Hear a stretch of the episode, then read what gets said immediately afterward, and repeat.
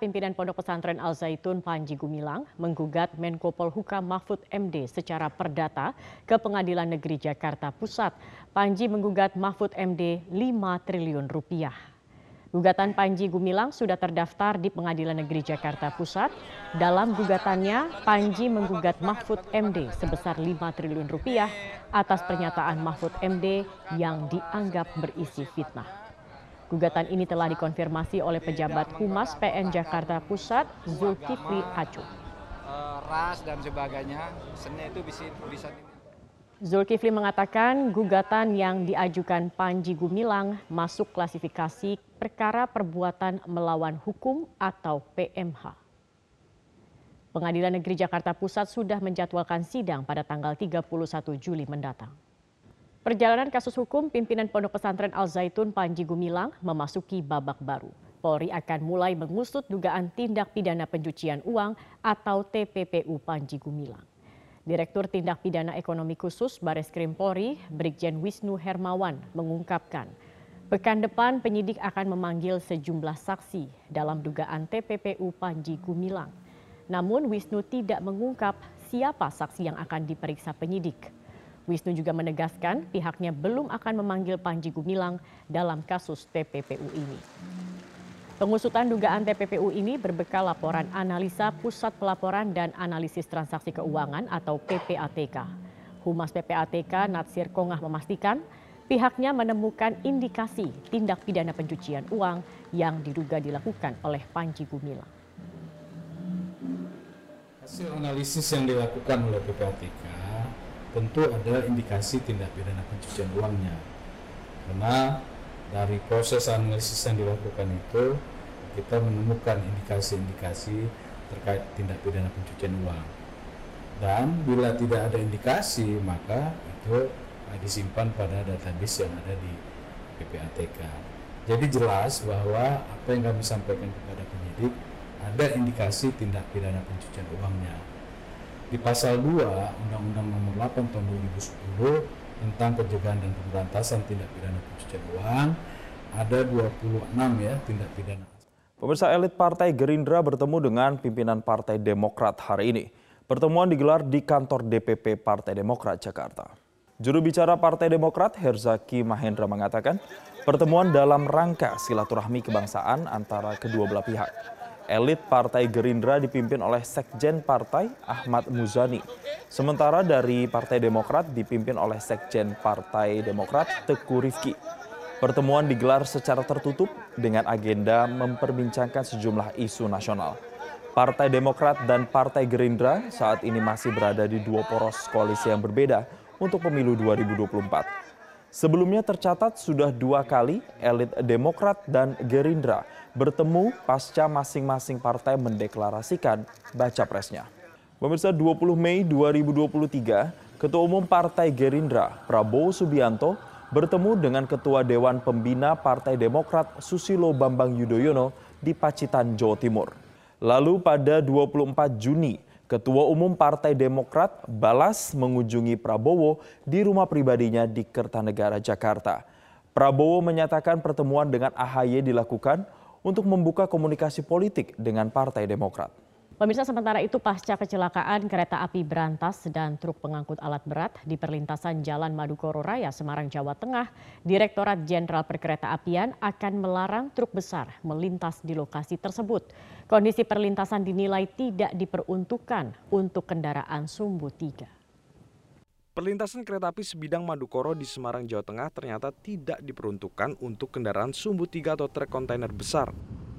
Ini diakui oleh Direktur Jenderal Perkeretaapian M. Rizal Wasal saat melihat langsung perlintasan yang menjadi lokasi kecelakaan antara kereta api berantas dan truk pengangkut alat berat. Rizal mengatakan pihaknya akan berkoordinasi dengan pemerintah kota Semarang untuk melarang truk besar melintas di perlintasan kereta Madukoro.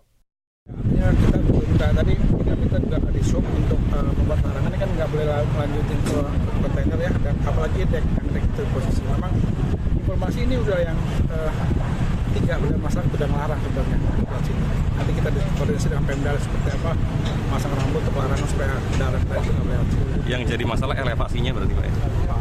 artinya ini bukan jalur untuk mereka gitu loh kan jauh mobil itu. Yang kedua ya artinya karena dia pakai low deck untuk ngangkut barang berat ya mungkin uh, tersangkut kan panjang nanti dia. Perbedaan ketinggian antara jalan dan rel kereta menjadikan truk rawan tersangkut ketika melewati perlintasan Madukoro. Bisa kami gambarkan bahwa jika kita lihat kondisi jalan ini uh, dari sudut atau dari jalan yang dari arah keluar bandara ini tampak memang ada uh, perbedaan uh, ketinggian dari jalan yang sebelum memasuki perlintasan sebidang ini di mana ada kenaikan sedikit. Kemudian jika kita melintasi rel ini, ini memang kondisinya cukup tinggi jika dibandingkan dengan uh, jalan sebelum uh, tiba di perlintasan sebidang ini. Dan ketika tiba di sini bisa kita lihat bahwa uh, ada turunan yang cukup curam, di mana ini menja kemarin menjadi uh, lokasi atau tempat berhentinya kepala truk pengangkut alat berat yang kemudian ditabrak oleh kereta api berantas. Dan uh, di tempat inilah bisa kami gambarkan lokasi atau berhentinya kepala truk pengangkut alat berat yang kemudian menjadi atau terjadi tabrakan dengan kereta api berantas. Dan saat ini juga masih uh, dilakukan oleh pengecekan oleh teknisi dari PT KAI untuk mengetahui seperti apa persisnya pasca dilakukan perbaikan kemarin.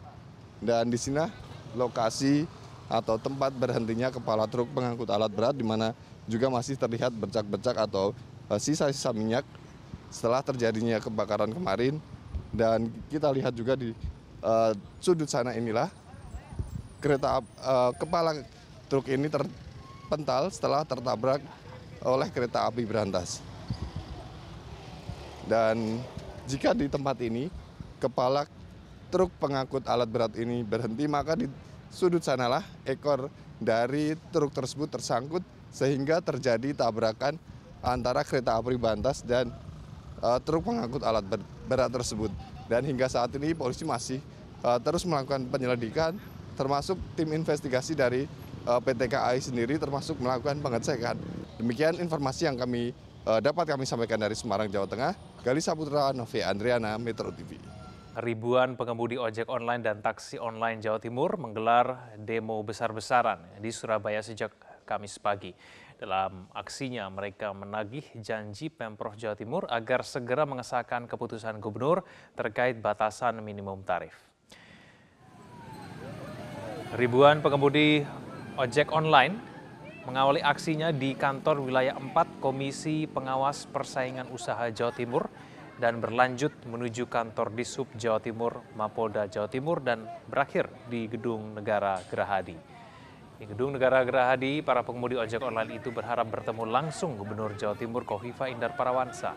Ribuan pengemudi ojek online ini ingin menagih kepastian kapan pengesahan keputusan gubernur yang telah dijanjikan Gubernur Jatim pada tahun 2022 silam terkait penetapan batasan minimum tarif layak yang harus dipenuhi para aplikator tersebut ditandatangani.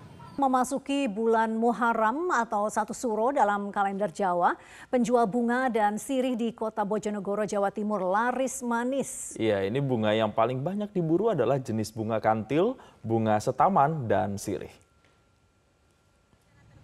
Ya, seperti penjual bunga di sepanjang trotoar yang ada di seputaran pasar kota Bojonegoro, pemirsa. Dalam sepekan terakhir misalnya, penjualan bunga mengalami peningkatan cukup drastis jika dibandingkan beberapa pekan sebelumnya. Banyak warga membeli bunga untuk keperluan ziarah makam, mendiang keluarga maupun para leluhur mereka. Bunga yang dijual pun harganya tidak terlalu mahal. Menurut salah satu penjual bunga, dalam sehari bunga kantil hijau dan kuning ini bisa laku terjual 20 eh, sampai 30 per hari. Sedangkan bunga setaman bisa terjual 10 hingga 15 kemasan. Dan uh, daun siri sehari bisa terjual 20 sampai 30 ikat. Untuk jenis bunga setaman dijual dengan harga mulai dari 5 sampai 10 ribu rupiah. Sedangkan jenis bunga kantil dijual mulai 10 ribu sampai 15 ribu rupiah. Sementara untuk jenis bunga daun sirih dijual 10 ribu rupiah per daunnya.